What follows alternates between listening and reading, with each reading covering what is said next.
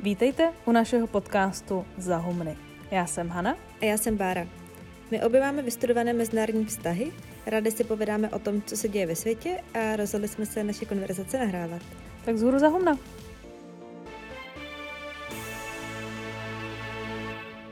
Na konci března jsme strávili spolu s Filipem Zajíčkem dva dny v Bruselu, a to na pozvání Evropské komise. Spolu s dalšími novináři nebo studenty jsme jeli na různé přednášky do institucí Evropské unie, specificky teda komise. A Bára byla v Bruselu poprvé, já jsem tam naopak strávila pár měsíců na stáži, ale obě jsme vlastně poprvé byli v intenzivním kontaktu s úředníky. A donutilo nás to víc se zamyslet nad fungováním Unie. I tím, že jsem tam tady byla poprvé, tak jsem asi víc než Hanka nějak nasávala takové první dojmy a zážitky z toho města. Bohužel se nám ale stalo, že epizodu stíháme až po dvou měsících od návštěvy skoro, takže většina takových těch bezprostředních věmů je v mém případě pryč až na jeden, takže já se podělím aspoň o ten. A on tady nesouvisí s Evropskou unii, ale s NATO. Každopádně mě fascinovalo, že kolem centrály NATO byl jen takový úplně malinkatý plůtek, který na mě subjektivně nepůsobil rozhodně nijak odstrašujícím efektem. A já samozřejmě věřím, že centrála nejsilnější vojenské aliance na světě je hlídaná víc než dobře, ale stejně mě to zanechalo poněkud znepokojenou. A když teď přemýšlím na tu návštěvu, tak je to jedna z prvních věcí, která se mi vybaví. Tohle znepokojení možná daný i tím, že je v Evropě válka. Nicméně během bruselské návštěvy jsme v programu měli dost diskuzí o aktuální situaci, ať už o energetice nebo o migraci. A při té příležitosti nás napadlo se zaměřit právě na to, jak Evropská unie s těmito krizemi zachází. V debatě s Viktorem Daňkem a Lukášem Dolanským, což jsou zpravodajové eh, respektive rozhlasu a české televize v Bruselu, tak eh, tam padlo, že se říká, že Evropská unie je vždycky nejlépe připravená na krizi, která právě skončila. A tenhle bonmot nás volně dovedl k téhle epizodě. Dneska to tak bude právě o tom, jak přemýšlet nad Unii ne v kontextu toho tradičního vnímání jako nějakého byrokratického kolosu, ale v takovém dynamičtějším pojetí. Takže v první půlce epizody se zamyslíme nad tím, jak je možné vnímat vývoj Evropské unie právě v reakci na krize z posledních let a v té druhé části se pak podíváme na to, jak na Unii dopadá ta aktuální ukrajinská krize. Pokud jste někdy prošli nějakým kurzem politologie, tak evropská integrace je asi nejnudnější předmět, který tam absolvujete. Je to de facto učení se na spaměť časové osy. Začne to rokem 1949 a pár neúspěšnými pokusy o poválečnou koordinaci, pak přijde Schumannův plán, uhlí a ocel a Jean Monnet, římské smlouvy Cassis de Dijon, jednotný evropský akt, Maastricht, pak ty dvě nezajímavé smlouvy a pak Lisabon, po kterém je všechno jinak, pilíře jsou pryč a najednou máme evropskou něco jako ministrině zahraničních věcí a možnost opustit Evropskou unii. Tohle byl ve zkratce vývoj Evropské unie pohledem našich škol, jak jsme si jimi prošli my obě. A institucionální hledisko je bez pochyby důležité, přeci jenom právní základ je základ, ale pokud se budeme soustředit na vývoj EU jen skrze různé smlouvy, trochu nám unikne ta možná nejdůležitější hybná síla v pozadí. Evropská unie se totiž mění i v reakci na krize, ať již bezpečnostní, ekonomické nebo zdravotní. V docela známém citátu tohle schrnul už zmiňovaný uh, jeden z otců zakladatelů Evropské unie, francouz Jean Monnet, který volně přeloženo řekl, že Evropská unie bude mít takovou podobu, jakou budou mít řešení na nejrůznější krize, které ji potkají. Ona ostatně jedna z největších krizí v dějinách Evropy leží u kořenů vzniku Evropské unie. Byla to právě totální destrukce způsobená druhou světovou válkou, v reakci na kterou se začal hledat způsob, jak by Francie a Německo a postupně i celá Evropa spolu mohly žít v míru. A známý americký historik Timothy Snyder pak ohledně vzniku EU dělá jeden zajímavý argument, který už jsme, mám pocit, jednou říkali, ale hodí se i k tomuhle tématu, takže já ho tady připomenu. Podle Snydera totiž Evropská unie nevznikla tak, jak si často vyprávíme. Tedy, že by se jednotlivé národní státy prostě moudře sešly u stolu a rozhodli se, že se každý trochu omezí ve své suverenitě a začnou budovat společné unijní instituce a projekty. Respektive takhle to samozřejmě bylo. Oni si v těch letech po druhé světové válce spolu ke stolu sedli a dohodli se. Ale v případě těch zakládajících západních států nešlo tehdy o národní státy, ale o skomírající impéria. A protože bylo tak nějak více víc jasné, že brzy to budou už úplně mrtvá impéria, bylo nutné se nějak popasovat s tím, že najednou bude mít každý z nich menší trh i menší moc. No a Evropská unie vlastně umožnila úplně se vyhnout téhle nepříjemné fázi a rovnou se přesunout do fáze budování nějakého evropského impéria. Teď to říkám hodně v úvozovkách. A pokud bychom Snyderův argument propojili s tématem téhle epizody, tedy vlivem krizí na podobu EU, šlo by říct, že vznik Unie byl i reakcí na krizi západoevropského kolonialismu nebo imperialismu. Každou jednotlivou krizi eh, v historii Evropské unie probírat nebudeme, to bychom tu byli hodně dlouho, ale podíváme se na pár těch nejčerstvějších a hlavně na tu ukrajinskou. Jedním z lidí, co Unii zná hodně dobře, tak je Luke van Middelaar. Je to bývalý poradce Hermana van Rompuje, který byl prvním stálým předsedou Evropské rady. Tady jenom technická odbočka. Předseda Evropské rady byl dřív vždycky ze země předsedající Evropské unii. S Lisabonskou smlouvou se ale zavedl trvalý předseda s dvou a půletým mandátem. Takže předsednická země teď předsedá Radě EU místo Evropské rady. No, trochu zmatečné, ale každopádně někdo, kdo tomuhle všemu opravdu rozumí, je Van Middelaar. Ten nejenže pracoval v institucích, ale je i akademik a na téma EU napsal už několik knih. Jedna z nich, ke které jsme sáhli pro tuhle epizodu, se jmenuje Alarms and Excursions, což je původně fráze z anglického divadla z 16. století a znamená něco jako povyk na jevišti. A Van Middelaar si EU představuje právě trochu jako divadlo. Ne, ale v tom ohledu, že si někdo na něco hraje, ale spíš vnímá skrze hlavní postavy a to, co se odehrává na jevišti. Občas to s tou metaforou možná trochu tlačí, ale to je jiný povídání. Nám přijde zkrátka užitečné, jak se dívá na to, co Evropská unie dělá a jak se postupně vyvinula a kam se vyvinout ještě musí, aby přežila. Jeho hlavní pointou je, že Unie se významně proměnila díky čtyřem nedávným krizím. Konkrétně mluví o krizi eurozóny, ruské anexi Krymu a invazi na Donbas v roce 2014, o migrační krizi a o euroatlantické krizi, která zahrnuje Trumpa a Brexit. A EU se podle Van Medalára proměnila díky tomu, že se, jeho slovy, nesoustředila na politiku pravidel, ale na politiku událostí. Hned se k tomu dostaneme podrobněji. Ono první, co Van Medalar říká, tak je to, že si musíme uvědomit, že Evropská unie jako nějaká fungující jednotka vznikla jako spolek na podporu farmářů a že ten obrovský posun směrem ke globálnímu hráči je vlastně extrémně pozoruhodný počin. A že je tedy potřeba dotáhnout nějaké změny tak, aby se Unie stala plnohodnotným globálním hráčem. A abychom tenhle posun od sponzora farmářů k provozovateli vlastní pohraniční stráže lépe pochopili, tak se hodí trochu teorie. Tradičně se popis toho, jak Unie funguje, v politologii dělí na a teď to je nutná teoretická vsuvka s cizími slovy, tak se dělí na supranacionalismus a intergovernmentalismus. Je to rozdíl mezi tím, jestli je Unie hráč, co de facto popírá národní stát a tvoří novou identitu, čili je supranacionální nad národní, nebo je to prostě platforma pro evropské národní státy, jak se na věcech domlouvat. Intergovernmentální, čili mezivládní. Tyhle dva přístupy pak zlidověly v trochu karikaturní představy buď o federaci, respektive v tom černém scénáři s komisí jako tyranem v případě toho prvního, nebo v případě druhého v představě, že stejně ovšem rozhodují Němci, anebo že Maďaři všechno blokují. No a podle Van Medelara je tohle trochu zjednodušující popis a mnohem užitečnější je podívat se na to, jaké procesy Unii sformovaly do té podoby, ve které je dnes, ať už je pojmenováváme vlastně jakkoliv. A on vidí procesy tři depolitizaci, parlamentarizaci a samity.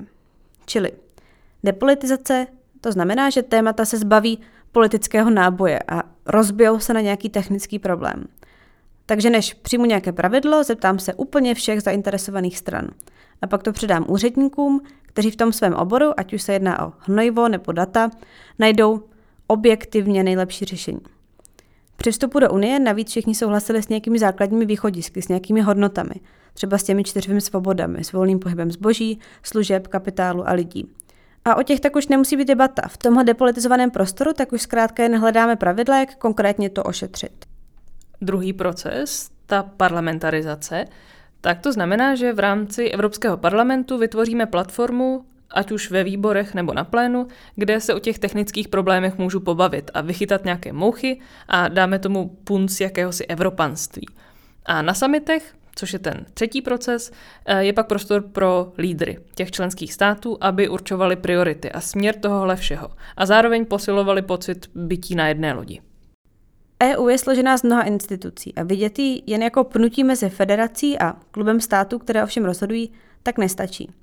Záleží mnohem víc právě na konkrétních procesech, jak se dobereme nějakého výsledku. A tyhle tři procesy, ty, o kterých Medelar mluví, na nějakou dobu Unii stačily, protože dělala to, co umí nejlíp. Nastavovala pravidla pro společný trh a opatrně nořila prsty u nohy do jiných oblastí. To všechno pomaloučku, polehoučku, postupně. Každé nařízení, směrnice, nedej nová smlouva, to všechno byly záležitosti několika let. Všechny ty věci se rozebraly na technické detaily, proběhla debata v parlamentu a lídři si na to pak v nějaké fázi na summitu plácli. Což je podle něj všechno hrozně hezké, ale do chvíle, než přijde krize. Tyhle tři procesy totiž vedly k tomu, že na všechno je nahlíženo jako na technický problém a na všechno je spoustu času, hlavně aby to pravidlo dávalo smysl. Ty nástroje, které Unie má, ať už zakládající smlouvy nebo ta společná pravidla nebo zákony, to není způsob, jak řešit akutní problémy. Normálně trvá nalézt schodu několik let. Od formulace priority v Evropské radě přes návrh legislativy od komise, přes debatu v parlamentu až po finální souhlas členských států. Tenhle proces nejde dělat v momentě, kdy jednomu z vašich členů hrozí krach. A na to právě od toho roku zhruba 2007 začala Unie přicházet. A přes ty čtyři krize, které Van Medelar popisuje, se Evropská unie jako celek postupně mění. K čemuž je tady ještě nutné dodat, že Evropská unie je slovo, které v sobě může skrývat hrozně moc. To je mimochodem jedna z dalších věcí, na kterou jsme narazili i při tom výletu do Bruselu, kdy s Viktorem Daňkem jsme se bavili o tom, že třeba on říkal, že se snaží pojmu Evropská unie něco udělala, úplně vyhýbat, protože je to zkrátka moc obecné a nikdy se nedozvíte, kdo konkrétně to udělal. Ale v tomhle konkrétním případě, když se bavíme o procesech a změnách, tak to trochu smysl dává používat Evropská unie jako celek. Protože význam, náplň toho kolosu, kterým unie je, tak to se časem mění. V rámci těch všech krizí třeba došlo k posunu od komise směrem k radě. Takže od té technické stránky k té politické. Spolu s posunem od pomalé formulace pravidel k rychlému rozhodování je to ten velký skok, který dělá z Unie hráče schopného akce. Takže už se nebavíme jen o regulacích, jejich žibatelem je komise, ale o konkrétních rychlých řešeních s větší rolí pro lídry státu. Pokud hrozí krach členského státu nebo společné měny, není to totiž jenom technikálie. Musíte si říct, jestli a koho chcete zachránit. Pokud Rusko zabere část vašeho souseda, není to otázka regulace, je to, je to otázka politické reakce. Pokud najednou poznáte, že máte společnou hranici, kterou ve velkém přechází lidé z třetích zemí, není to otázka několika let a nového pravidla, to vyžaduje okamžitou reakci, která může mít silný a má silný politický náboj.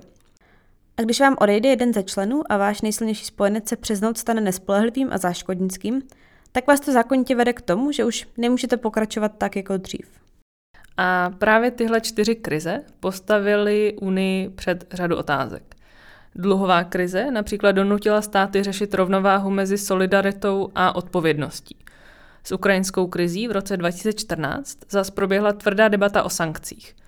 Obě krize také strhly pozornost směrem k lídrům, protože Angela Merkel a François Hollande třeba jednali jako prostředníci mezi Ruskem a Ukrajinou. Migrační krize pak opět postavila do středu dění solidaritu a pocit fyzických hranic a jejich obrany a pocit sdíleného břemene, nebo spíš nezdíleného, když si vzpomeneme na otázku kvót.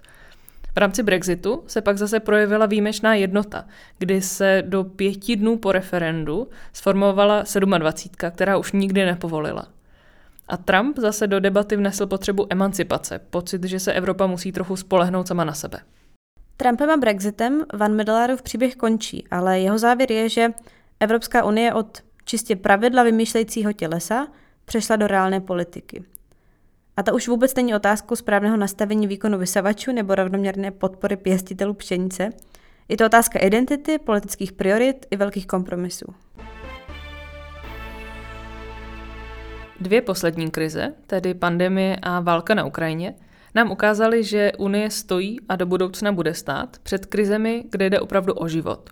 A pokud chceme, aby celá struktura přežila, tak musíme najít způsob, jak dojít k dohodě, i když spolu ze začátku nesouhlasíme. A když potřebujeme, aby to bylo rychlé. Právě pandemie a válka na Ukrajině jsou pro Unii úplně zásadní zkouškou. A člověk má až tak trochu pocit, že ty čtyři krize, o kterých jsme mluvili před chvílí, byly jen takovou generálkou na to, co přichází a přišlo teď. Dá se říct, že prozatím Unie jako celek v celku obstává. Teď rozhodně nechceme tvrdit, že všechno jde jako po másle.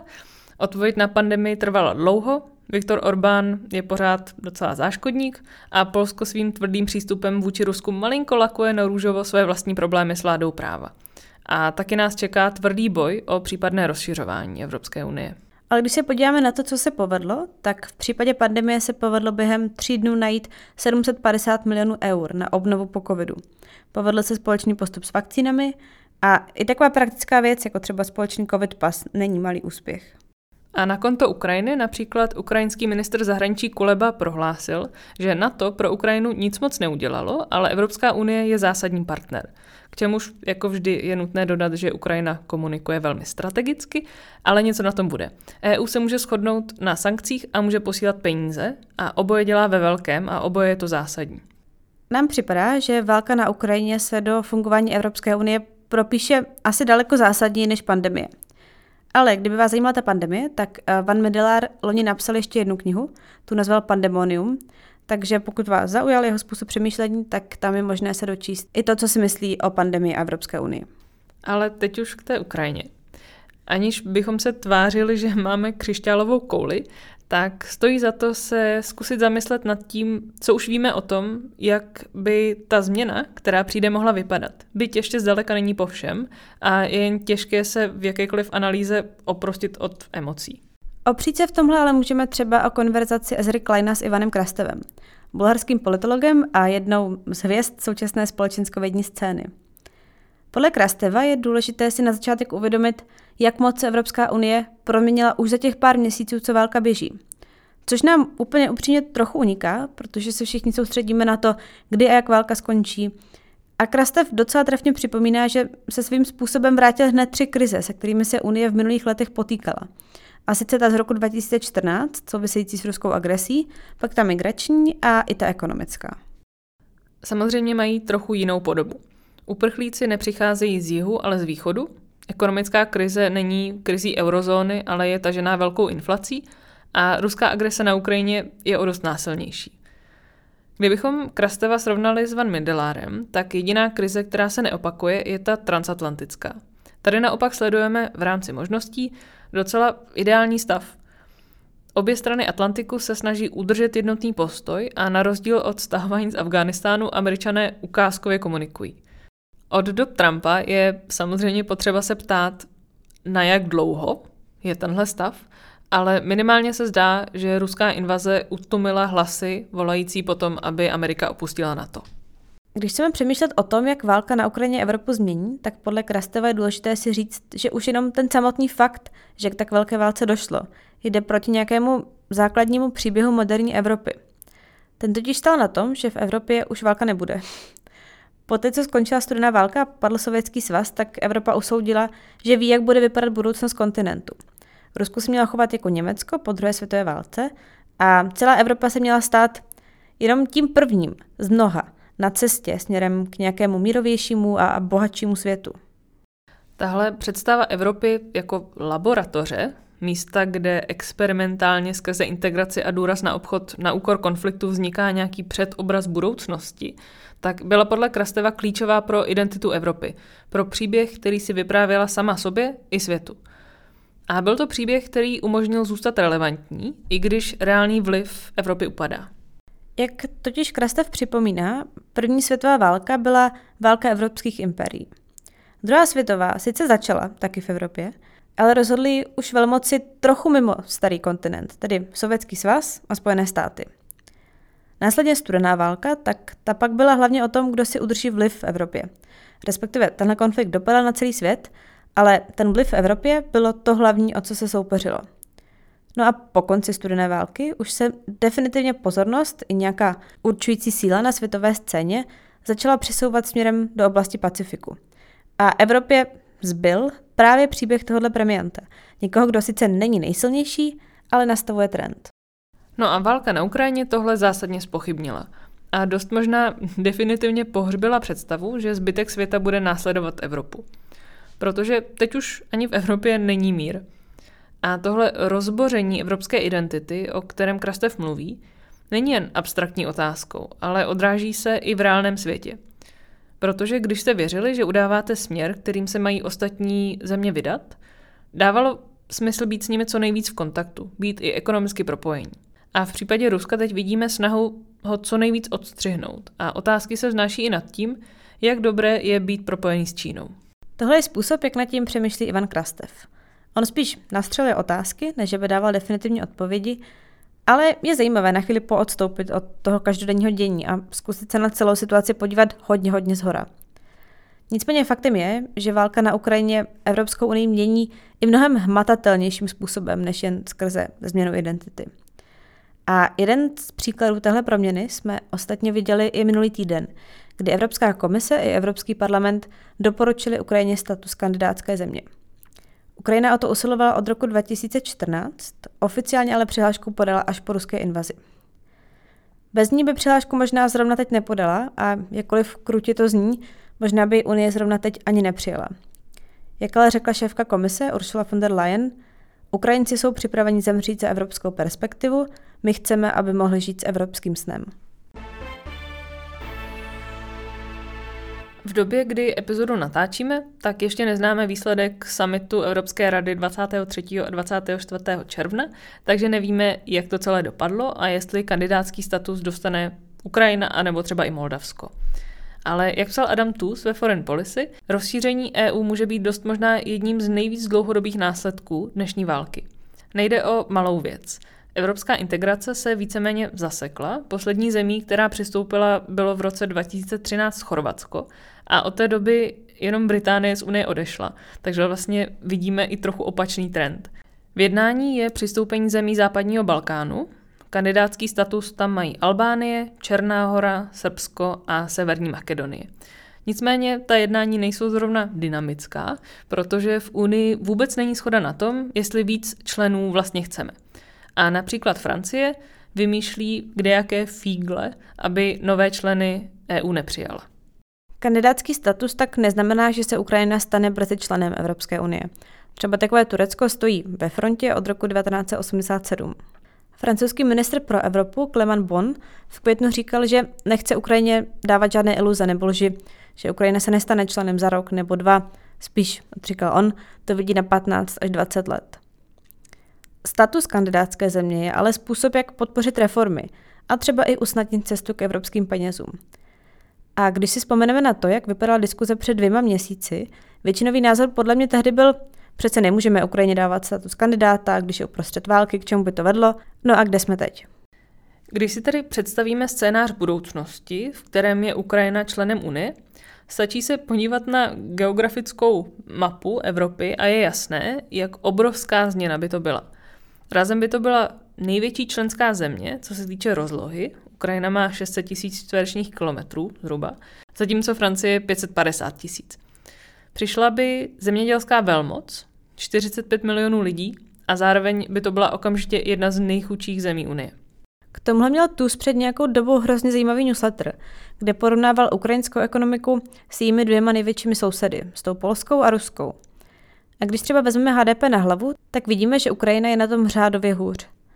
Data k roku 2020 ukazují, že zatímco ukrajinské HDP na hlavu bylo nějakých 14 tisíc dolarů, v případě Ruska to bylo 26 tisíc a v Polsku zhruba 33 tisíc. Tady je asi důležité říci, že třeba data v případě Ruska jsou zavádějící kvůli obří nerovnosti, která tam panuje. Takže sice tam existují miliardáři, co mají ve svých palácích uprostřed tajky i zlatá záchodová prkínka, hádám, nicméně značná část populace žije v chudobě. Ale i tak ta data ukazují, jaký potenciál by Rusko mělo, kdyby s penězi chtělo naložit efektivněji. A Tusk k tomu dodal, že fakt, že Ukrajina na tom byla tak moc hůř, ukazuje, že ta země prostě zůstala mezi dvěma světy. Na západ to je příběh Polska, je svět ekonomické integrace a velkých institučních reform. A na východ, tedy příběh Ruska, je svět postavený na bohatství ze surovin, které máte. A Ukrajina neměla ani jedno. Ten ukrajinský příběh má podle některých analytiků taky potenciál změnit i celý unijní přístupový proces. Svým způsobem je ukrajinská cesta do Unie naprosto unikátní. Žádná země ještě nikdy neválčila reálnou brutální válku, aby se mohla stát členem Evropské unie. A tím se samozřejmě nechce říct, že by každá země odteď musela projít něčím tak drastickým, jako je válka, aby se stala členem, ale ta dlouhodobá konfrontace s Ruskem se dost možná stane jedním z hlavních motorů integračního procesu. Víc než pečlivě načrtnutá cesta institučních a dalších reform, na kterých ten integrační proces stál předtím. Jednak, jak ostatně řekla i Uršula, Ukrajinci doslova umírají za evropské hodnoty a je strašně těžké se v jednu chvíli tvářit, že ještě musíte počkat, protože paragraf 7 odstavce B jste splnili jen na 50%, když to trochu sparoduju teď. Zároveň to ale není jen o emocích. Dnes je jasné, že bezpečí mimo západní struktury v Evropě rozhodně není garantované. A jedna z cest, jak se k bezpečnosti dostat, je umožnit zemím stojícím v šedé zóně mimo, aby se stali členy. A i když od bezpečnosti je tu NATO a rozhodně ne EU, tak všechno se počítá a navíc větší ekonomická prosperita, kterou členství v EU slibuje a přináší, přispívá k větší vnitřní stabilitě zemí. A ještě jednu změnu by členství Ukrajiny nejspíš pro Evropskou unii znamenalo. Řečeno odborným jazykem, horizontální integrace by dostala přednost před vertikální. Nebo víc česky, rozšiřování by dostalo přednost před prohlubováním. Můžete totiž integraci buď prohlubovat, tedy prohlubovat zájemnou spolupráci, posouvat se třeba přesunu větších pravomocí do Bruselu a tak dále, nebo můžete horizontálně rozšiřovat, kam až Evropská unie sahá. To znamená, že přidáváte nové členy. A není úplně snadné dělat oboje najednou. Ne, že by to nešlo, ale v případě tak velké země, jako je Ukrajina, by to přeci jenom bylo těžší, než když třeba vstoupilo to Chorvatsko. A těžké by to bylo opravdu i na té nejvyšší meta úrovni. Oni existují přesvědčivé argumenty pro to, proč by se EU potřebovala hlouběji integrovat, čili nedělat žádné rozšiřování o další země, ale soustředit se na ty, co už členy jsou. A taky jsou přesvědčivé argumenty i ohledně toho, že by Ukrajina skutečně měla být připravená, co se týče kvality institucí nebo ekonomických reform, a tak by se ten proces neměl uspěchat a vlastně by se nemělo ani rychle rozšiřovat. Protože jakmile jste jednou uvnitř, tak prakticky už nemůžete být venku, pokud se proto nerozhodnete sami. A jak ukazuje příklad Maďarska nebo Polska, občas ty největší překážky, které EU musí řešit, přichází zevnitř. No a nakonec zmíníme ještě jednu změnu, ke které válka na Ukrajině vedla. A ta se týká rozložení moci a vlivu uvnitř Evropské unie jako takové. Na začátku jsme mluvili o Medelárovi a jeho argumentu, že vliv v rámci Evropské unie jde skrze tři procesy, tu depolitizaci, parlamentarizaci a samity. V něčem je ale užitečné i to tradiční vnímání skrze mezivládní vztahy, což jsme zmiňovali na začátku jako trochu zjednodušující. Protože nějakou roli zkrátka hraje, jaký stát jste. Nemá cenu si nalhávat, že Německo prostě nemá větší vliv než Česko. Má. Tenhle vliv většinou vychází z vícero věcí, z velikosti státu, z ekonomické síly, nebo třeba ochotě blokovat fungování Evropské unie, dokud si nevymůžete nějaké ústupky. Zdravíme do Budapešti. Nicméně navzdory tomu, jak velkou roli hrají ty trochu dané faktory, jako právě třeba ekonomika, rozložení vlivu není neměné. Není to něco, co máte automaticky a nemůžete o to přijít. Nebo naopak to nemůžete získat. A jedno takové přeskupování vlivu vidíme možná dnes. Začalo to trochu Brexitem, když z Unie odešel jeden z nejsilnějších států, který navíc dost často tlačil trochu svébytnou politiku, mimochodem velmi v souladu s tím, co chtěli Češi. A po odchodu Velké Británie se tak centra moci trochu smrskla na osu Berlín-Paříž. Nicméně válka na Ukrajině dnes mnohem víc vytáhla do popředí státy, které aktivně prosazují vůči Rusku co nejtvrdší politiku. Některé státy mají totiž vůči Rusku tradičně větší ostražitost. Je to prostě součást jejich zahraničně politické identity. No a dneska se to potkalo s poptávkou. Příkladem toho je třeba Polsko. Zároveň ale dost pomůže, když máte v čele i schopné vedení, které umí situaci využít, aby váš hlas byl slyšet. A možná nejlepším příkladem téhle situace je dnes estonská premiérka Kaja Kalas. Jejíž nekompromisní volání po co nejtvrdším postupu vůči Rusku z ní udělalo novou železnou lidi Evropy, jak ji ve velkém profilu nazval britský magazín The New Statesman. Estonsko je největším dodavatelem pomoci Ukrajině, když to přepočteme na hlavu. A Kalas je dnes skutečně jednou z nejvýraznějších postav mezi evropskými politiky. Jak New Statesman spočítal, tak mezi 1. březnem a 1. květnem byla v zahraničních médiích citována 11 560krát, což je na premiérku malé baltské země fascinující výkon. A na její české protěžky se obracíme slovy klasika. Dámy a pánové, nechci se vás utnout, kdo z vás to má. Kalas bylo 11 roků, když padla berlínská zeď a její otec Sim Kalas, mimochodem budoucí estonský premiér, ji tehdy poslal do Německa i s její matkou, aby, citujeme, viděla, jak chutná svoboda. A přesně tímhle způsobem Kalas dnes mluví a přistupuje k válce na Ukrajině. A to je dost v protikladu s někdy opatrnějším, víc balancujícím přístupu třeba Německa nebo Francie. Tyhle velké země se tak dnes v evropské debatě mnohdy dostávají do defenzivy a vzniká pocit, že spíš následují události, než že by byly jejich přímými tahouny. Ona se bezpečnostní situace může změnit v tom smyslu, že Rusko nebude vnímané jako taková hrozba a začnou se řešit jiná témata, v kterých země na unijním okraji nemají takovou expertízu. Stejně tak Kaja Kalas a další politici mohou odejít a místo nich přijde někdo neschopný. Velké země mají tu výhodu, že o nějakou část vlivu přijít prakticky nemohou, zatímco ty menší musí vynakládat soustředěné úsilí, aby ho získali. Na druhou stranu, vzhledem k tomu, jak moc politika vůči Rusku ovlivňuje dlouhodobé a jako strukturální změny Evropské unie, ať už tu integrační politiku, o které jsme mluvili, nebo třeba energetiku, tak se dá očekávat, že tohle téma nezmizí a s ním ani vliv těch, kteří se k němu umí jasně postavit. A vlastně nějaký proces, kdy noví evropští lídři přichází z periferie, jak o tom psal jeden text, tak to může být další dlouhodobou změnou, která z ukrajinské krize vzejde. Slovo periferie možná zní pejorativně, ale dá se na něj dívat i z čistě geografického pohledu. Prostě státy, které leží dál od tradičních center moci, jako jsou Brusel, Berlín nebo Paříž. A ukrajinská krize neposílila jenom oblasti na východě. Dalším regionem, jehož vliv vzrůstá, je jih Evropy. Přesně ten region, který byl až do nedávna vnímán hlavně jako to slabé místo Evropy – ekonomicky pomalé, zadlužené, spíš přítěž a v případě Řecka se dokonce řešil jeho možný odchod z eurozóny. Hezky je tohle všechno vidět třeba na příkladu Itálie, která dost těží z osoby premiéra Maria Draghiho. Navzdory silnému proruskému sentimentu, který v Itálii je, tak Draghi se k válce postavil nekompromisně a v jednom rozhovoru dokonce řekl, že si Italové musí vybrat mezi bezpečím a klimatizací. A díky jeho předchozímu backgroundu, jako kdy on působil ve funkci šéfa Evropské centrální banky, tak navíc Draghi hraje dost klíčovou roli v komunikaci s americkou vládou, třeba při tvorbě sankcí. Zkrátka vrátil Itálii dost do středu evropské politiky.